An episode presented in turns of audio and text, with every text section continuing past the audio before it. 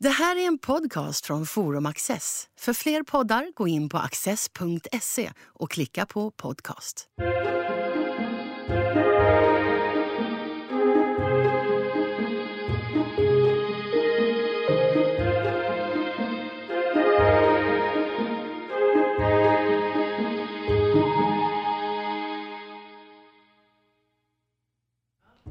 Vad är en konstkammare och vilka skatter hittar man i en sådan? Greger Sundin är doktorand på konstvetenskapliga institutionen vid Uppsala universitet och specialiserar sig på konstkammare och gamla tiders sällskapsspel. Greger Sundin, välkommen hit. Tack så hjärtligt. Roligt att vara här. Vad definierar egentligen en konstkammare? Ja, en konstkammare är någonting som egentligen går tillbaka ner mot renässansen eh, och vad som i Norditalien kallas för studioli, alltså en typ av studerkammare. Eh, och där var det så att intellektuella och, och professorer på universiteten och sådana här började samla eh, föremål från och ur naturen in i, eh, i sina kontor. Så att säga, där de dels skrev och läste och bedrev undervisning och så. Eh, och sen så utvecklades det där att innefatta mer och mer, inte bara föremål från naturen utan också eh, sådant som, som gjort av människan. Eh, alltså olika typer av vetenskapliga instrument och, och konstverk och annat. Och, sådär. Eh, och särskilt när det kommer upp över, eh, över Alperna och in i lite mer tyskspråkiga sfärer, alltså i Österrike, Schweiz, södra Tyskland och så. Och det var också då det började kallas för, för konstkammare kan man säga. Men du drar specifikt tidsgränsen vid renässansen, alltså runt 1300-talet. Då. Går det att hitta någonting ännu äldre som kan ses som en föregångare till fenomenet eller är det ganska glasklart där? Nej, men det är ganska mycket just i den italienska renässansen som, som det föds. Ehm, och det hör ju mycket ihop med att hela den här världsbilden som eh, som fanns utifrån ett europeiskt perspektiv Eh, började vidgas vid den här tiden. Alltså det var, mm, under medeltiden så var det väldigt mycket så att säga, dogmatisk, eh, dogmatiska religiösa idéer man hade och så. Det fanns inte särskilt mycket annat än, än ehm, eh, ja, det Europa man bodde i så att säga, som man behövde ta hänsyn till. Men under renässansen och så, så började handel och annat utvecklas mer. Alltså dels bort mot mot eh, Asien och alltså Kina och, och Sidenvägen och så. Ehm, men också eh, delar av Afrika och, så småningom så kommer Columbus och öppnade upp en helt ny världssyn eh, på något vis.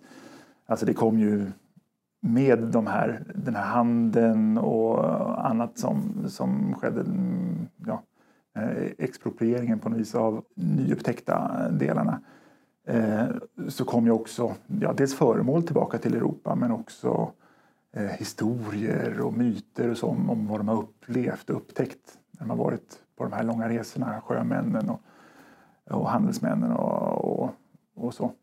Så när det kom tillbaka till Europa så, så var det där tvunget att tas om hand på något sätt och försöka föras in i någon, någon typ av generell idé om, om hur eh, universum var beskaffat. Mm. Och då var det just de här konstkamrarna. Det finns konstskåp också. Hur skiljer de sig från? Ja, alltså konstskåp är en ganska nischad sak egentligen från eh, rätt mycket Sydtyskland kan man, kan man säga. Som, eh, rent praktiskt så är det en, en möbel där man har försökt få in allting som normalt kan finnas i en konstkammare in i bara en litet, liksom, ett skåp eller eh, sådär. Eh, för konstkammare generellt i det stora hela, det kunde ju vara mm, allt alltifrån ett ganska litet rum till eh, ja, en rumssvit eller i vissa fall till och med hela våningsplan och sådär i de, i de mer extrema fallen då nere i, i München och, ehm, och sådär och, mm, och i Prag. Och så, alltså väldigt stora samlingar. Men då ett konstskåp är mm, när man komprimerat ihop allting det här in i en en typ av, av möbel som lite lättare kunde fraktas och hanteras. Mm, sådär. Har du något konkret exempel på något känt, något känt exempel på ett sånt här konstskåp? Ja, alltså, vi är ju i, i Sverige här och vi har ju en sån fantastisk tur att eh, ha det eh, skåpet som finns eh, på eh, Gustavianum i Uppsala som, som då tillhör eh, Uppsala universitets konstsamlingar. Eh, och det här skåpet är ju helt unikt i världen. Eh, för det är alltså ett skåp som tillverkades på 1620-talet eh, kan man säga. Och han som eh, lät tillverkade och som säga, var den kreativa motorn i hela det här projektet var en man som heter Philip Heinhofer. Och han höll till i Augsburg i, ja, utanför München kan man säga. Det här var då en tid när Augsburg var en, ja, det fanns en väldig koncentration av lyxproduktion i, i den här staden. Det fanns alltså, vid den här tiden så, jag har en liten rolig jämförelse att det fanns en, en ett 20-tal bagare men samtidigt som det fanns 120 guldsmeder. Alltså i den skillnaden. Eh, så, så, att det var, det var en stad som ägnade sig mycket åt lyxproduktion och handlade mycket runt om i Europa med de här sakerna. Och Heinhofer gjorde då ett antal eh, sådana här skåp, eller lät göra med stadens olika hantverkare. Eh, dels sånt som han lät nyproducera då, själva, själva möbeln i sig och inredningar och sådär. Men också så fyllde han de här skåpen då med, med allsköns föremål, både naturalia och artificialia som det heter när, när det är sånt som är gjort av, av människan och inte av, av naturen. Så han gjorde en, en, sex, sju stycken sådana här skåp. Eh, lite beroende på hur man räknar. Eh, och det första han gjorde eh, var ett som heter det Pommerska konstskåpet. Eh, som förstördes under andra världskriget men innehållet finns kvar. Och det finns nu i Berlin som man kan titta på på Kunstgewerbemuseum. Eh, men som sagt, där finns inte skåpet kvar, själva möbeln är borta. Och i eh, Palazzo Pitti i eh, Florens så finns det ett, en möbel kvar men inget innehåll. Eh, men det här i Uppsala då, det är både möbeln och innehållet. Så att det finns närmare tusen föremål i det här eh, skåpet då, förutom själva möbeln. Så att det är en helt unik pjäs. Ja, en ganska ovanlig konstskatt ja, som vi oerhört. har då. Och vad innehåller den? Eh, olika mineraler och snäckskal och, och sådana saker. Eh, Seychellnötter och, och sånt.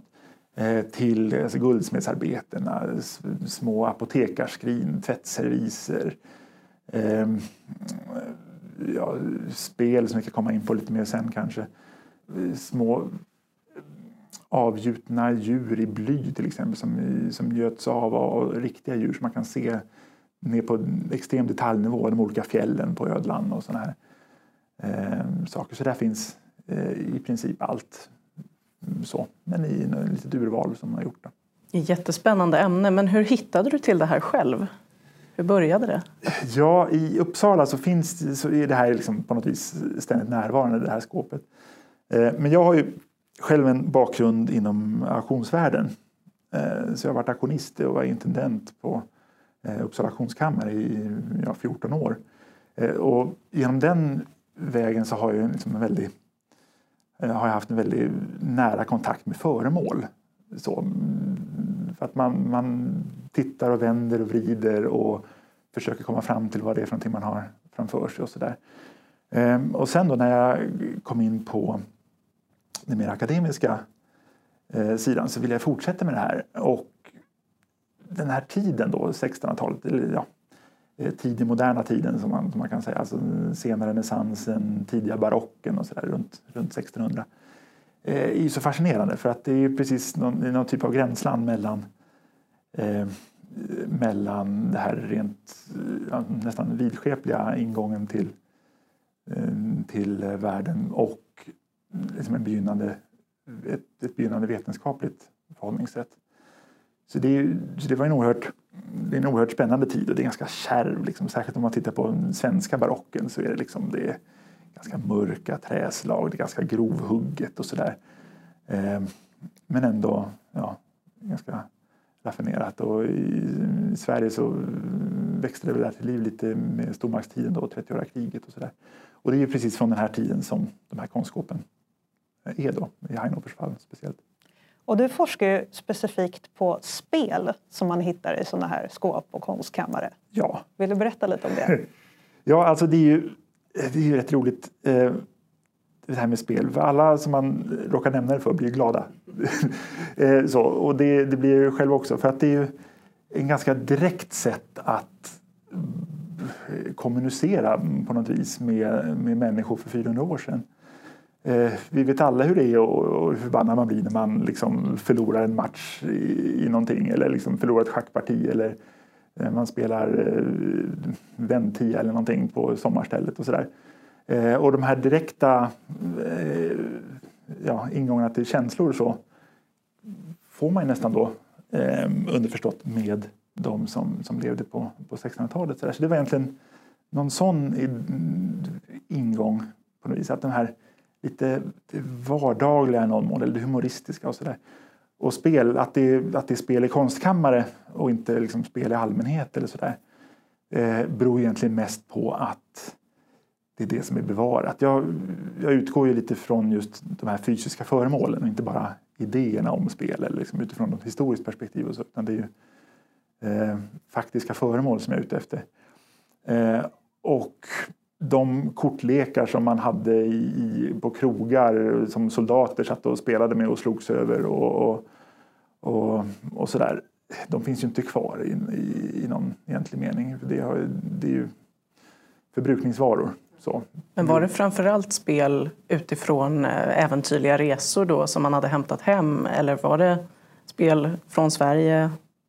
Ja, inte så mycket spel från Sverige. Det här är ju ett tyskt skåp också så att det är ju det är snarare liksom en tysk eh, tradition som, som det kommer i. Men, men även där så eh, känns det som att det som Heinhofer var ute efter var ju en ganska encyklopedisk idé om, om spel i de här samlingarna. Alltså det finns Eh, om vi tänker kortlekar till exempel så tänker vi nu att de här kortlekarna med hjärteklöver och spader och sådär.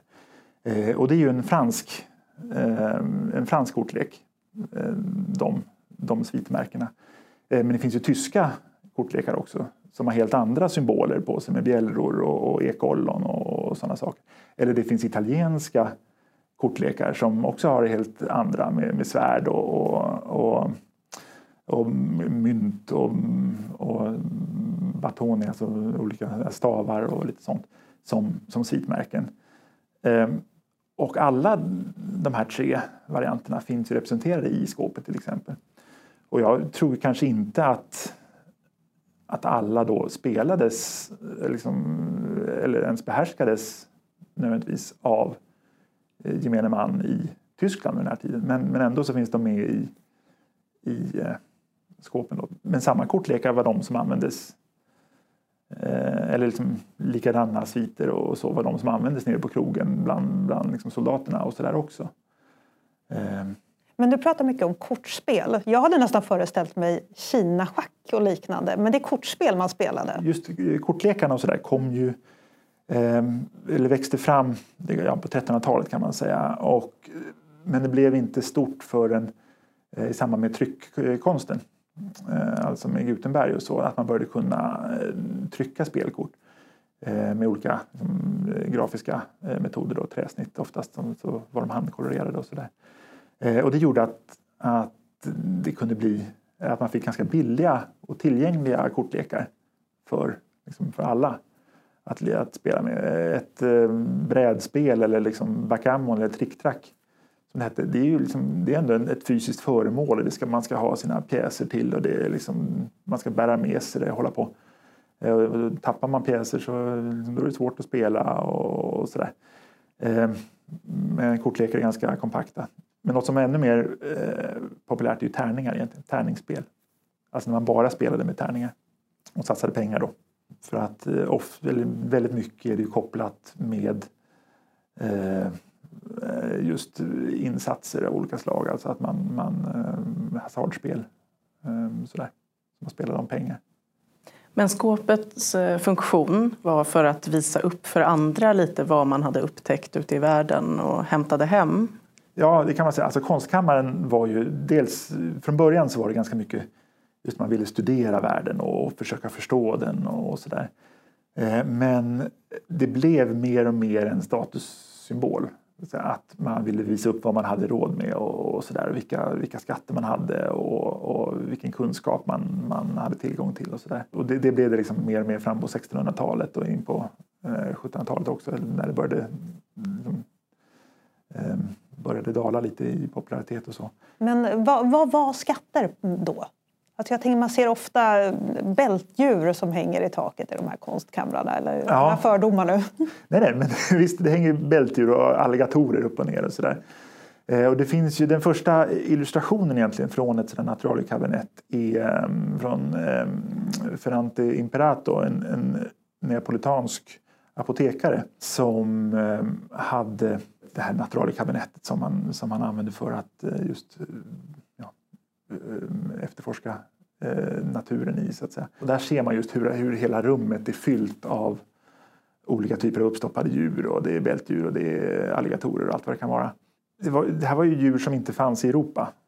Eh, så, så det måste ju komma någonstans utifrån, så att säga, från de här resorna runt om i, i världen och redan där så blir det ju sällsynt i någon mån. Och ofta var det ju eh, alltså furstar och så som, som sponsrade mycket av de här upptäcktsfärderna och sådär. Och sen så när, då de, när de kom tillbaka eh, efter en lyckad eh, expedition så, där, så hade de med sig en massa eh, liksom stenar och, och, djur och mineraler och metaller och, och saker de hade förhandlat eller tagit eh, från eh, ursprungsbefolkningen och sådär. Så att det var ju någonting som inte var, eh, var för alla redan per i sin existens i Europa på något vis. Eh, så. Sen så, den här handeln blev ju mer och mer frekvent så att eh, på slutet på 1600-talet och in på 1700-talet och sådär så behövde man inte vara särskilt högt upp i, i hierarkin för att kanske ha just en, ett bältdjur uppe i, i taket. Apropå de här resorna och jag tänker på för din egen del och för din forskning, behöver du röra mycket på dig och flytta runt för att titta på olika kabinettskåp eller konstkammare? Eller är du på plats i Uppsala för nej, detta? Nej, nej, jag är ju runt rätt mycket. Det finns ju en del bevarade för att det är ju eh, just det här med att välja konstkammare som studieobjekt är ju för att det finns några stycken i alla fall bevarade. Och, ja, dels det här konstskåpet i Uppsala men sen så i Berlin har vi där. Eh, men sen så till exempel Schloss Ambras utanför Innsbruck i Österrike. Där finns en fantastisk konstkammare och, ehm, och så. Och även en rustkammare med, med underbara eh, liksom, rustningar och, och, allt sånt här. Eh, och det finns lite fler också. Det finns en del liksom, i, runt om i, i norra Italien och så där också. Så då får man åka runt och titta på det där för att försöka bilda sig någon liten idé om har du något exempel på närmare håll? Finns det någonting i Sverige eh, som, om man vill se just en konstkammare? Finns Ett bältdjur. Ja, om man vill se bältdjur. ja, alltså det, det, formellt är det kanske inte en, en konstkammare men i någon mån är det ändå så. Det är ju på Skoklosters slott till exempel. Eh, den här rustkammaren uppe. På, det finns ju två rustkammare där. Men, och där finns det lite inslag av det här med, med det hela. Och det fanns också tidigare mer av en, en eh, konstkammare där. Eh, och det är någonting jag har forskat om tidigare också. Det fanns ett, ett bönekabinett på Skokloster som bara existerade någonstans mellan 1680-talet någonting och ehm, ja, det försvann för ehm, eh, 1756 tror jag. Ehm, som ganska litet, det var 4-5 kvadratmeter någonting. Det var en avdelning i eh, ett rum i Brahevåningen som från början då, eh, det finns, det finns upptaget i ett eh, inventarium från 1716 som just bönekabinettet eller så. Och då var det ganska spartanskt inrett. Det var, det var någon liten, ja, några geridonger med några ljusstakar, någon, någon liten stol och och det var helt klätt med svart sammet eh, på väggarna och med lite brodyrer på och sådär. Och, eh, några tavlor med vaxfrukter. Alltså eh, så skulpterade vaxfrukter och snäckor och så. Men övrigt var det ganska tomt. Men sen så tittar man på nästa inventarium från 1728. Eh, och då är det fullständigt eh, knökat med, med eh, diverse liksom, saker som, som, absolut skulle räknas som en konstkammare i någon, i någon mån. Så. Men sen då vid nästa inventarium på 1750-talet så, så finns det inte med längre. Så då, och sen tittar, går man dit och tittar på väggarna och så ser man spår vad, i taket, i stuckaturen, var, var väggarna har gått och, och, eh, och så. Men själva rummet är borta och vissa saker kan man spåra eh, till andra delar av slottet nu då, men en del är mer svårspårat. Om du stöter på problem i din forskning, vad är det då som, hur ser ett problem ut när man studerar konstkammare? Eh, alltså ett problem är ju lite eh, också hur man ska redovisa det här. För att det här är ju ett forskningsområde som liksom till väldigt stor del är tyskt. Alltså det, det, en, en, eh, det finns väldigt mycket skrivet på tyska och, och tyska och österrikiska och, um, forskare och sådär. Eh, men väldigt mycket av det är eh, ganska okänt för en icke-tyskspråkig eh, publik också. Så att lite som jag då i min avhandling hela tiden slåss med, lite hur mycket ska jag redogöra för sånt som redan är allmänt känt i Tyskland men inte kanske för en engelskspråkig publik, för jag skriver på engelska då. Hur mycket ska jag liksom ta det för givet att, att, att det finns som, som en förförståelse hos publiken som, som läser det jag skriver. Eh, sådär. Eh, men annars är ju ett problem jag har eh, lite med är ja, hur mycket har, av det här som, som jag undersöker har varit någon typ av uppvisningsföremål och eh, där det finns med bara för att visa på olika typer av spel. Så att, titta, det här, det här spelar folk nu för tiden och så, så sätter vi in det i vår lilla, vår lilla konstskåp här. Eh, så kan man titta på, och titta, sånt här spelar, eh, spelar populasen. Sådär. Eller hur mycket är det sånt som verkligen har aktivt spelats av, av de som, som hade tillgång till de här eh, konstkamrarna, konstskåpen. Och så så det är lite det jag håller på att titta lite mer aktivt på. Och då har jag till exempel hittat, eh, det finns ett lite lustigt eh, spel som kallas för Bränta-spel. Eh, som, som i princip, jag har inte hört talas om någon som har spelat sedan 1600-talet. Men det, det, består av att det är typ ett schackrutigt bräde, eller liksom så här tråg nästan, för det är höga kanter på. Eh, och sen så från ena sidan så går det upp en liten arm och sen så på armen så sitter en tratt längst upp. Då tar man nämligen och slänger ner tärningar i den här tratten.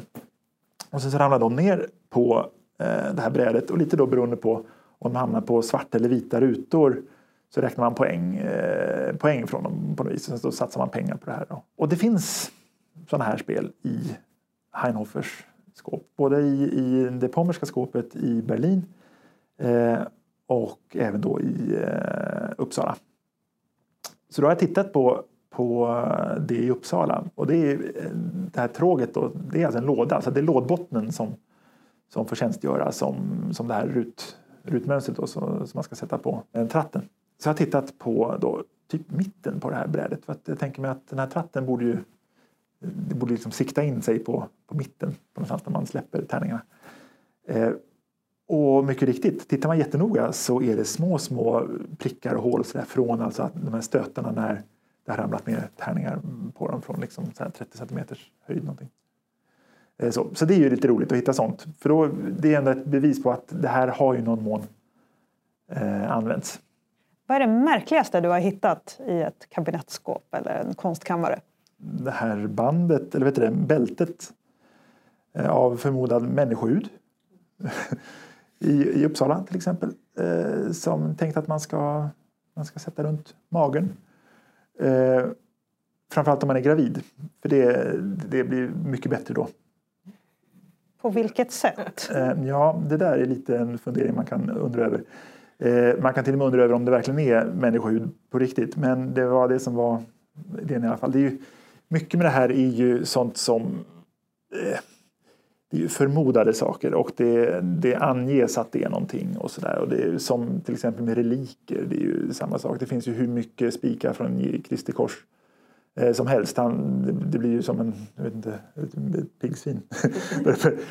eh, så. Men, mm, eh, och sådär. Det finns ju även spikar och delar av korset med i de här konstskåpen också.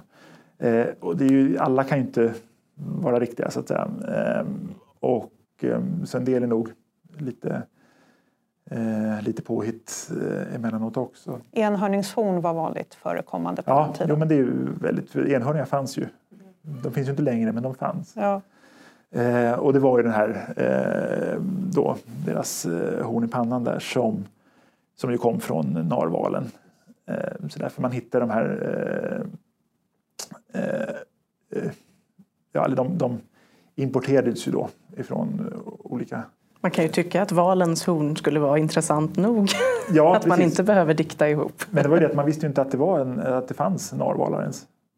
Man hade inte sett själva valen nödvändigtvis och framförallt inte gjort kopplingen att, att, att det här hornet som, som kom från enhörningar är väldigt likt de här hornen som finns i, i, på narvalen. Men eh, utifrån spel, ovanliga spel då, så finns det ett väldigt mystiskt spel i, eh, i i Uppsala, konstskåpet där, som, som jag har ingen aning om hur man spelar det. Jag har frågat de här väldigt initierade spelfolken runt om i världen. Det finns ju olika organisationer för där man träffas och diskuterar historiska spel och, och sånt här. Alltså både akademiker och, och väldigt initierade eh, samlare och amatörer och sådär. Eh, ingen har sett någonting sånt, något liknande överhuvudtaget. Eh, så att, jag vet inte. Spelas det med tärningar? Spelas det med, ska man ha någon liten plupp som man går runt med eller, eller ingen aning. Eh, och det är, Många mysterier helt ja, enkelt kring det, skåpen. Med det sagt, det finns ju mycket som vi väldigt mycket känner igen idag också. Schackspel, absolut, finns där. Eh, backgammon, eller då trick-track, eh, som, man, som man spelade eh, väldigt frekvent. Det finns gåsspel eh, som man kanske inte känner igen på namnet men man känner igen det lite på hur man spelar det. Med eh, att man har en bana som går så i en spiral med rutor efter varandra som är numrerade. Sen slår man sina två tärningar och så går man så många steg som, som tärningarna anger. Så där. Sen så hamnar man på en del rutor som du får stå över två kast ungefär. Eller att du får hoppa fram till den rutan eller du får gå tillbaka till början. Eller så eh, och det är ju den typen av spel som, som det spelar man ju fortfarande i någon, i någon mån. Människor har i alla tider samlats kring föremål och berättelser. Och nu har vi fått höra Greger Sundin berätta om Konstkammaren. Tack för att ni har tittat.